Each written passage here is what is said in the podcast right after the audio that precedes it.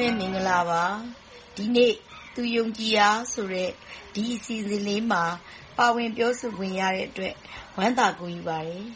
။ကျမယုံကြည်တာကိုပြောရမယ်ဆိုရင်တော့သက်ရှိသတ္တဝါတိုင်းဟာဘဝတခုရလာပြီဆိုရင်ယုံကြည်မှုနဲ့ခံစားမှုဆိုတာရှိကြပါတယ်။ပတ်ဝန်းကျင်အလိုက်ပြောင်းလဲမှုအမျိုးမျိုးတော့ရှိကြတာပေါ့။ကိုယ်ထူထောင်ထားတဲ့မိသားစုဘဝလေးကို အောင်မြင်တိုးတက်စေချင်တယ်ဆိုရင်ပထမအရွယ်မှာ အတတ်ပညာ၊အသိဉာဏ်ပညာ၊ဒုတိယအရွယ်မှာဥစ္စာရှာရပါမယ်။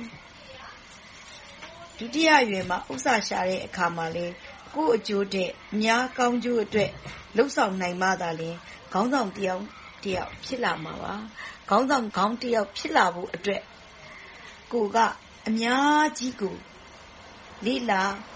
ကျင့်သုံးလိုက်နာနေထိုင်နိုင်ရမှာပါ။ဒုတိယအရွယ်မှာ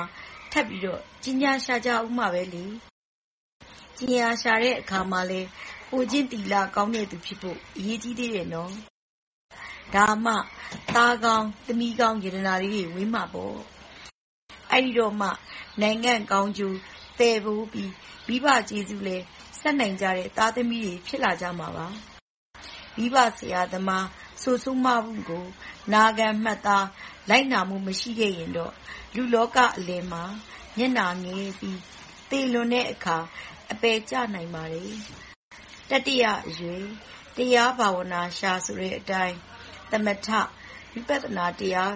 လိုက်နာကျင့်သုံးပွားများ အားထုတ်နေထိုင်မယ်ဆိုရင်တော့ လူလောကမှာ အရွယ်သုံးပါးလုံး စိတ်အေးချမ်းသာယာပြီး သက်ရှိထင်ရှား ရှိစဉ်မှာလည်း လောကကောင်းကျိုး ဆောင်ရွက်တဲ့အတွက် လူအများရဲ့ ယုံကြည်အားကိုးမှုကို ရရှိနိုင်ပြီလေ။နောင်သန်နေရာအတွက်လည်း ကောင်းတာလုပ်လို့ ကောင်းကျိုးရနိုင်တယ်ဆိုတဲ့ ယုံကြည်မှုအတွက် ဒါန၊သီလ၊ဘာဝနာကို ပွားများအားထုတ်နိုင်ကြပါစေလို့ တိုက်တွန်းနှိုးဆော်လိုက်ပါတယ်။ အခုလို ကျမ ပြောဆိုခွင့်ရတာ ကျေးဇူးတင်ပါတယ်ရှင်။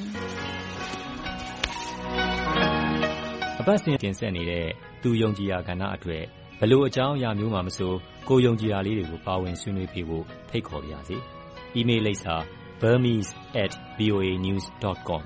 burmese@voanews.com ကိုစာရေးပြီးဆက်သွယ်ရမယ့်တယ်လီဖုန်းနံပါတ်ကိုအကြောင်းကြားလိုက်ပါခင်ဗျာ။ကျွန်တော်ပြန်ဆက်သွယ်ပါမယ်။